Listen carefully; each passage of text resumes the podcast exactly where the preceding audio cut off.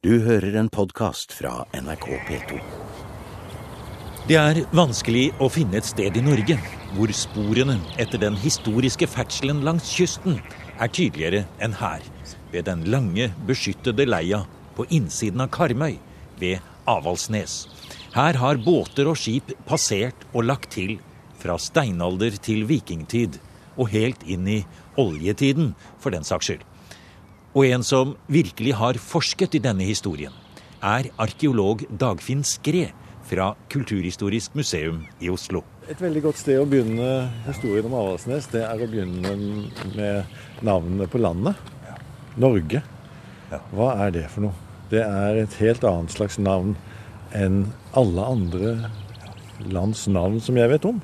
For alle andre land, iallfall mange, da, har en endelse som har med territorium å gjøre. England, Sverige, Det er det landet man regjerer over. ikke sant? Danmark, det er marken, jorden. Eh, Tyskland, Frankrike. ikke sant? Men eh, hva er Norge? Hva slags navn er det? Jo, det er helt, noe helt annet. Det er navnet på en ferdselsvei. Det beskriver jo nesten en reise. Ja, det gjør det. Ja. Det gjør det.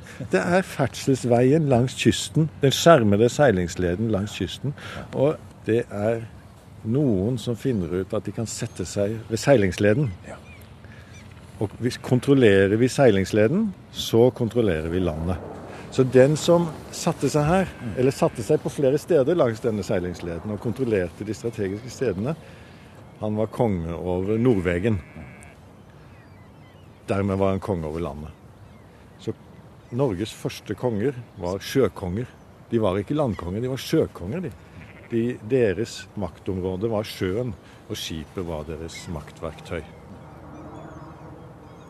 Etter to sesonger med arkeologiske utgravninger ved kirken på Avaldsnes er nå professor Dagfinn Skre i full gang med å gruble og forske på hvordan denne overgangen foregår, fra stammesamfunn, jernalder, gjennom romertid og til de første sjøkongene slår seg opp. Og det skal han straks fortelle mer om i dette programmet. Men like før utgravningene begynte i 2011, tok Dagfinn Skre museums lyttere med på en vandring langs Karmsundet for å se litt på restene etter de enorme gravhaugene, som nå nesten er helt visket ut i terrenget.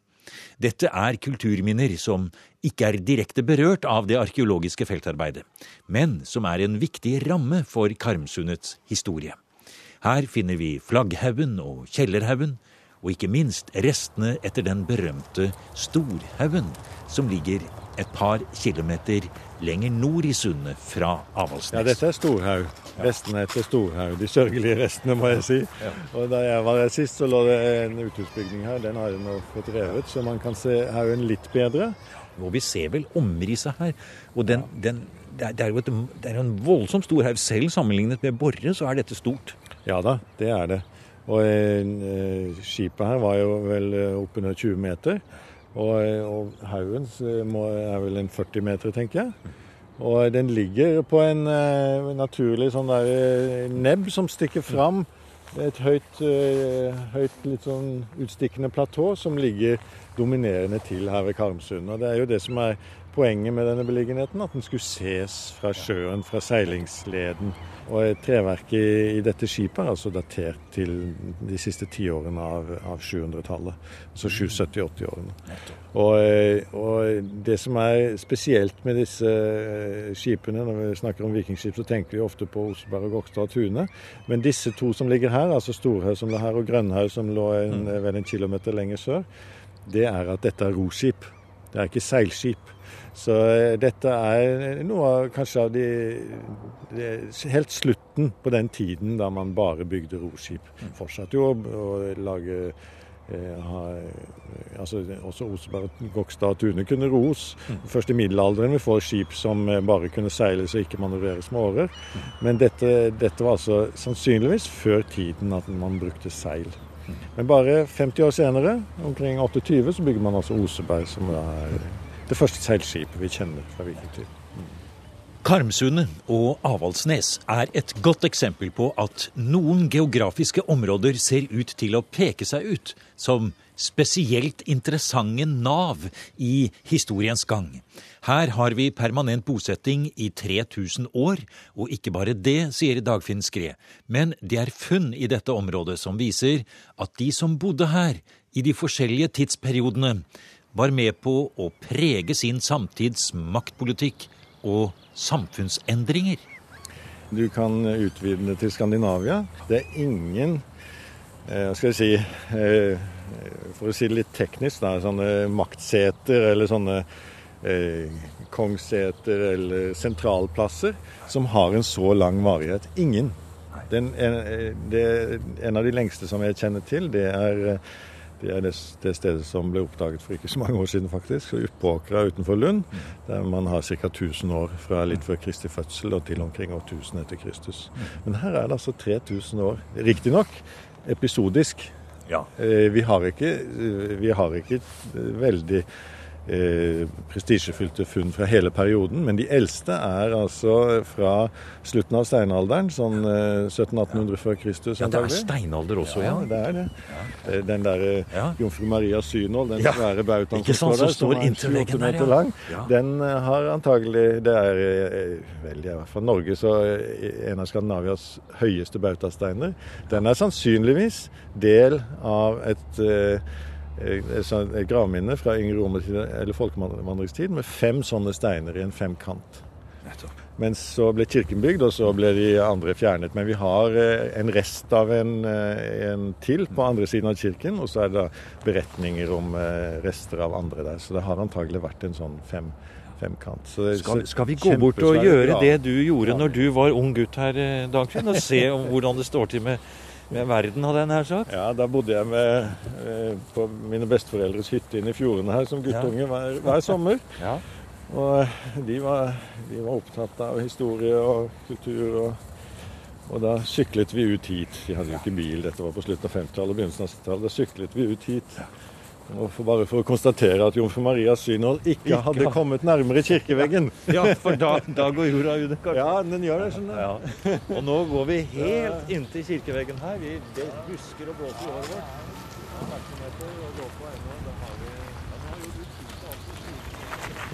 Her står vi nå, Dagfinn, og ser på det som vel i hvert fall jeg vil kalle for den eneste store kongshallen i Norge som vi vet er i bruk så å si hver eneste dag. Ja, nå tror sikkert lytterne at vi står i Bergen og ser på Håkonshallen. For det er jo den som er den eneste store kongshallen vi har, som er i bruk hver eneste dag. Men vi står i Slottsparken i Oslo, da. Ja. Og det er eh, i grunnen eh, en del av samme eh, historie som, som Håkonshallen i Bergen. Det er det institusjonaliserte kongedømmet. ikke sant? Det er kongedømmet når, når kongene blir rikskonger. Det er du kan si, eh, det var konger før rikskongene også. Men historien som vi, skal, som vi jobber nå i, med i det som heter Kongsgårdprosjektet Avaldsnes, vi har gjort utgravninger der i to år og er nå i gang med en femårig forskningsfase, det er historien om hvordan ble dette til? Den lange, altså den lange forhistorien til kongedømmet og den tidligste historien da, som eh, knytter seg til Avaldsnes. Og Det kan du si det er på en måte historien om hvordan konge ble en beskytta tittel. Fordi at når vi fikk rikskongene, så kunne det bare være én konge i hvert rike. Det var én konge i Norge, en konge i Danmark og en konge i Sverige. Men før det så var det konge på hvert nes, vet du.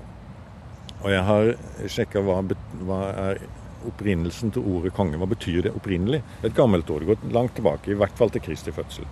Det betyr sønn fra en framstående slekt. Det betyr det opprinnelig. Og da er det klart det var konge Rundbaut. Og det ser vi jo i, i eh, den norrøne litteraturen også. Eller rettere sagt, den er jo skrevet i rikskongedømmets tid, men vi får liksom glimt der, inn i den tidligere tiden. Og da ser vi at det, det var mange konger samtidig i samme område.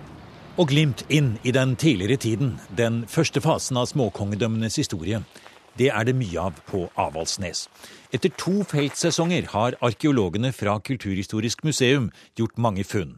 På parkeringsplassen foran kirken fant man spor etter en halvbygning fra 300- til 400-tallet. Ved siden av parkeringsplassen fant man en 3000 år gammel åker med mange kokegroper fra halvbygningens tid. Og litt lenger borte, på det arkeologene kaller Pakterhaugen, fant man rester etter et stort langhus, en bred økonomibygning som har vært minst 28-29 meter lang, kanskje enda lengre. Dagfinn Skred forteller at det ble funnet spor av nedgravde ovner med kanaler for varmluft, kanskje for korntørking, på jernaldergården. Det ble funnet to s-er som kan ha produsert smeltevarme på 900 grader. Man fant spor etter forsvarsverker rundt området fra folkevandringstiden, kanskje i form av tømmerkasser fylt med stein som støtte for et palisadeverk, for å nevne noe. Og så er det ruinen av en kongsgård i stein fra 1300-tallet. Under stedet der prestegården lå på 1600-tallet, gravde arkeologene fram deler av en murt kjellervegg i et rom som har vært minst 50 kvadratmeter. Alt dette representerer faser i hvordan samfunnet endret seg i det første årtusenet i vår tidsregning, sier professor Dagfinn Skre. Han har ledet utgravningen, og nå forsøker han å sette alle disse puslespillbitene inn i et større bilde.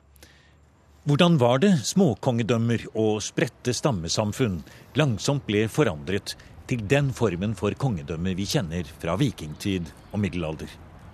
Ja, det er det der tusenåret. Det er da det skjer. Og, og hva er utgangspunktet? Hva begynner det med? Jo, det begynner med et stammesamfunn.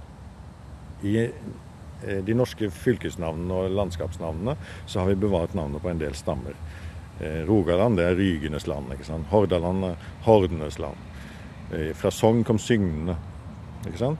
Og eh, jeg har eh, pønska mye på hvor, når er stammenes tid, og mange sier det er folkevandringstiden. Men jeg, jeg, tror ikke det. Jeg tror det er slutten på stammenes tid. Jeg tror vi må tilbake til eh, Kristi fødsel og før det for å, å komme til stammenes tid. Og det vi ser både av gravskikk og boplasser som graves opp, nå sist i Etne i, i, i Sunnhordland, det er jo at uh, boplasser fra den tiden der, det lille vi, relativt lille vi har av det, er ikke store. De er, det er små, relativt små hus, og de fleste gårder ser ut til å være ganske jevnstore. Så det ser ut til å være et jeg vil ikke si et egalitært samfunn, men et kollektivt samfunn. Der, eh, der folk stort sett var av samme byrd, kan du si. Har, Det har nok vært noen storfolk der òg. Det ser vi i en annen type funn fra den tiden. Det ser vi i våpenofferfunnene som eh, vi finner nede i, eh, i Danmark. Der er det ofra våpenutstyr til store hærer av hundrevis av folk. Og disse hærene er utstyrt, sier de som har studert dette grundig, med våpen fra samme smie. Og det tror jeg er stammehærer. Det er stammenes hærer. Og, og stammene har hatt ett sted der de lagde våpnene sine, og så har de distribuert det. Og det, det er eh, Krigføring på den tiden foregikk som store feltslag. Det var ikke små raid og alt sånt som du får senere. Det var store feltslag med flere hundre mann som sto overfor hverandre og, og, og, kjempet i formasjoner. De hadde skjold, de hadde lanse, de hadde kastespyd, eh, og de hadde sverd. Så de hadde våpen for Eh, kan si alle stridens tre faser. De har distansevåpen, kastespydene, når fienden er sånn noen titalls meter unna, eller, eller opptil 50 meter kanskje. Og så har de lanser, altså stikkvåpen, som de kan stikke med en, eh, når de nærmer seg. Og så har de sverd for nærkamp. Og så har de skjold til å beskytte seg. Og dette er våpen som er nyttige i når du slåss store feltslag i formasjon. Det, og, og, i disse dager, nede ved et sted som heter Alken enge, ved, ved, i nærheten av Århus, så, så, graver vi da ut det som ser ut til å være en slagmark. Der det har vært et slag like ved, og så året etter, etter at uh, disse likene har ligget over vinteren og blitt uh, spist på av dyr og sånn, så samler de sammen beina og hiver ut i en sjø like ved. Og jeg må si det er så spennende å høre at du forteller om dette her nå. Eh, og du sa at du setter disse store hærene, som kanskje kom fra Vest-Skandinavia. Du setter treningen, våpenproduksjonen, eh, tankegangen bak og i det hele tatt etablere slike store hærer på kanskje mer enn 1000 mann. Det setter du i sammenheng med funn fra norsk jernalder av eh, bosettingsmønstre, beskyttede boplasser, konsentrerte boplasser og funnområder som kanskje norske arkeologer begynner å se mer etter nå. Mm, ja da, og det kommer mer og mer disse her, veldig, disse her boplassene fra det vi kaller førromersk jernalder, fra Kristi fødsel og eh, tilbake 400-500-600 år, de kommer det mer av nå. Og det er veldig, veldig interessant. altså. Det, jeg tror det er stammesamfunnet. Jeg tror det er stammesamfunnet, og jeg tror det forsvinner. Det begynner å, å, å oppløses i den tiden hvor vi har, eh, hvor vi har disse våpenofferfunnene. Og så i løpet av yngre romertid og folkevandringstid, altså 200-400-500-tallet, så erstattes det av et annet slags samfunn. Og det er, ja, hva skal vi kalle det, høvdingsamfunn, kanskje. Jeg liker ikke å snakke om modeller, men, men fordi dette skal forstås som noe som vokser ut av av disse her hærene, tror jeg. Fordi at i hærene så, så, så er det jo militære ledere. Og det som ser ut til å være tilfellet gjennom yngre romertid og folkevandringstid, det er at de også blir viktige en viktig politisk kraft i sine samfunn. Og at det skjer en gradvis forskyvning av makt fra dette kollektive, stammen, og over til disse her militære lederne. Det er ganske artig. altså. Den, og da får vi hallene. Og Den utviklingen kan vi følge på Avaldsnes. Fordi Vi har denne her graven fra omkring 200, som altså er en av Skandinavias kanskje rikeste mannsgrav fra, fra romersk jernalder. Og så, bare 100, kanskje 200 år etterpå, så bygges hallen der. Og han, han der som legges i flagg her omkring 200, han er da en hærleder for en stammehær. Som har sånn... vært på noen vellykkede raid og ikke blitt ofret i Jylland. Ja, nettopp. Og hans våpenutstyr i graven, det det matches av det aller aller fineste våpenutstyret i de danske våpenofferfunnene. Så han er helt der oppe. Han er en, en hærleder på den tiden. Så da, vi kan forestille oss han som en, en, kanskje den fremste i Rygenes stamme. Kanskje. Det er så fantastisk å høre på, Dagfinn. Vi går litt inn på gresset her nå. Vi er i Slottsparken i Oslo. Vi snakker om sammenhengen mellom fremveksten av småkongedømmene, ettersamfunnene, kanskje gildesamfunnene. Alt dette som du forsker på gjennom funn du har gjort både på Kaupang og nå etter de store Avaldsnes-utgravningene. Og du peker på eh, denne lederen som lå begravd i denne store, fantastiske jernalderhaugen som, som, lå der ved Karmsundet. Men nå i 2011 og 2012 så har jo dere eh, gjennomført eh, to sesonger med store, omfattende utgravninger. Dere har gravd ned gjennom lagene. Dere har ryddet bort renessansehaver og gått ned fra 1600-tallet og nedover til 1300-tallet. Dere har gått enda lenger bak det også. Dere har lett og dere har funnet, og mange av de tingene som du nå forteller om, det samfunnsbildet du nå tegner for oss, det ser vi kan passe med noe av det dere fant, bl.a. et stort langhus. Mm. Ja da. Altså Dateringene fra det langhuset og fra den relativt lille hallen like ved, de eh, følger ganske raskt etter hverandre. Altså graven, Flagghaugraven er fra omkring 200, eller tidlig 200-tall. Mens langhuset og, og, hallen, hallbygningen, ser ut til å være fra 300-tallet og 400-tallet. Så, så, her har vi eh, kanskje i mikromålestokk en, to trinn i en, en stor samfunnsomveltning som skjedde i Skandinavia på den tiden. Ikke fra en dag til et annet, og ikke sånn ja, med et brått skille, men sånn gradvis forskyvning av Eh, politisk makt fra stammeledere til høvdinger. Som, og en høvding har en hall. Og Derfor får vi hallbygningene. De eldste, aller tidligste, kommer i Sverige og Danmark på 200-tallet. Og den eldste vi har fra Norge hittil, er den på Avaldsnes, som altså ser ut til å være fra 300-tallet. Vi, vi, arbeider mer med dateringen, men det ser ut til å være fra 300-tallet. Vi tror gjerne at dette er en, en Altså at verden går framover. ikke sant? Mm. Når vi har så svære hærer på 200-300-tallet Hva, må vi ha et enda større herre på 400- og 500-tallet? Nei, det er ikke sånn det foregår. Det faller fra hverandre, dette her kollektive samfunnet der med de store hærene som, som møtes i feltslag.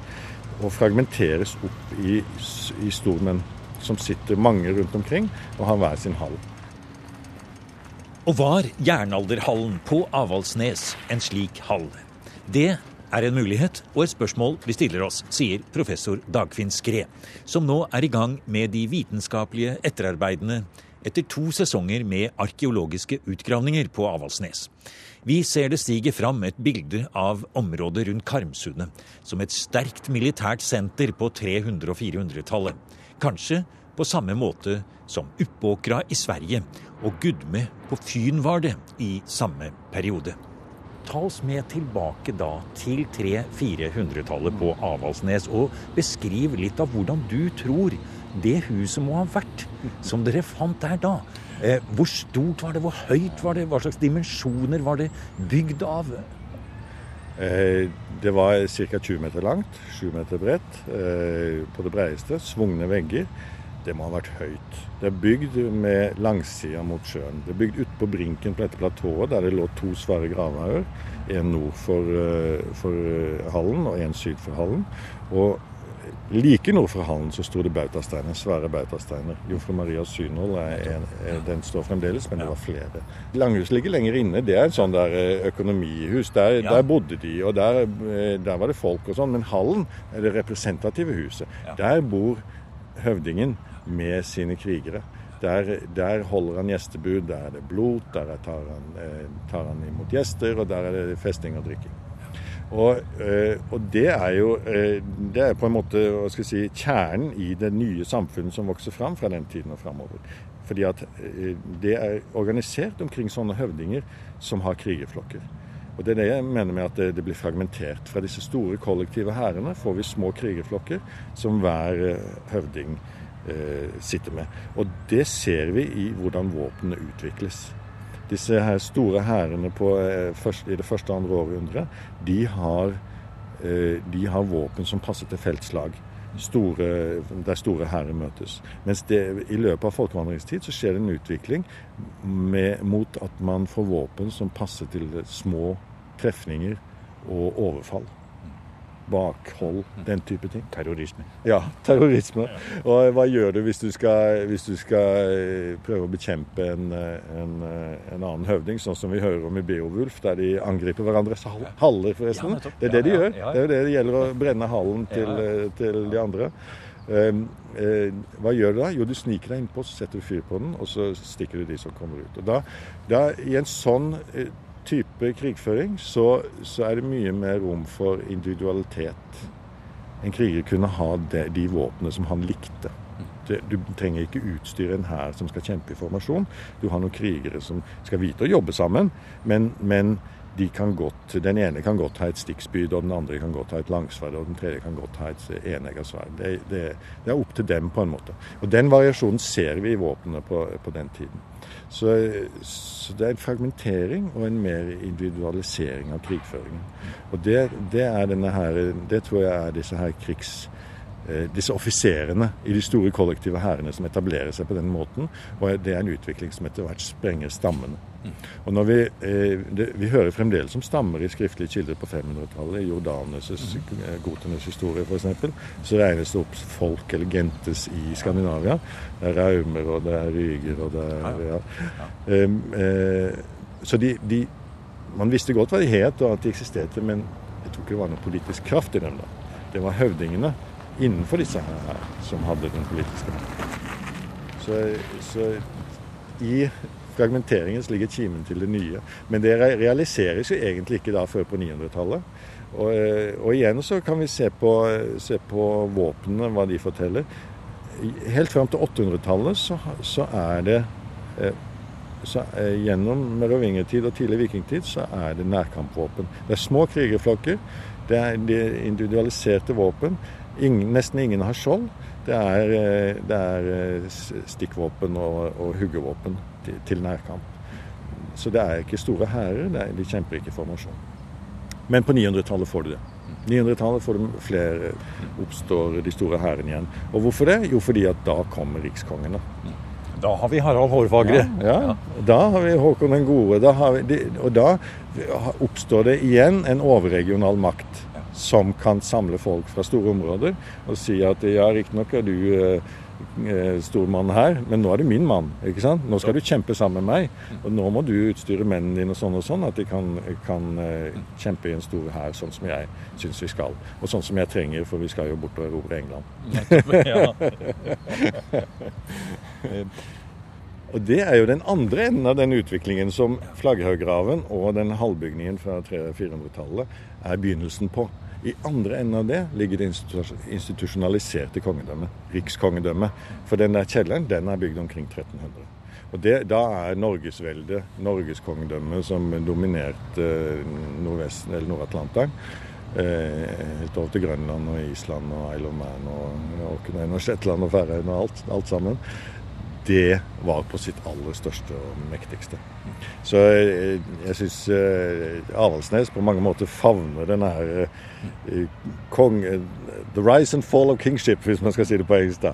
Kongedømmets tilvekst og topp. Det fanger begge ender av det. Og så må vi se på et større materiale for å få alle nyansene. Men det er det vi er i ferd med nå. Vi er i ferd med å sette utgravingsmaterialet fra Avaldsnes inn i en stor sammenheng og prøve å forstå disse her altså framvekst. Hvorfor får vi dette kongedømmet? Hva er det som skjer? Og hvordan utvikler det seg? Du har hørt en podkast fra NRK P2.